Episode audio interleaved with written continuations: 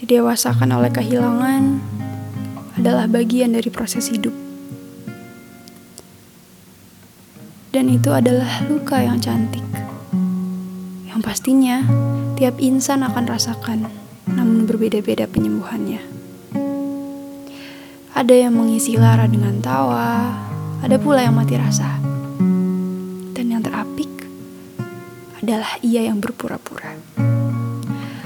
Tapi aku harap kamu bisa menemukan cara tersendiri untuk pulih dari segala kehilangan, dari segala perih dan sakit, dan dari segala kesedihan yang datang ke dalam hidupmu.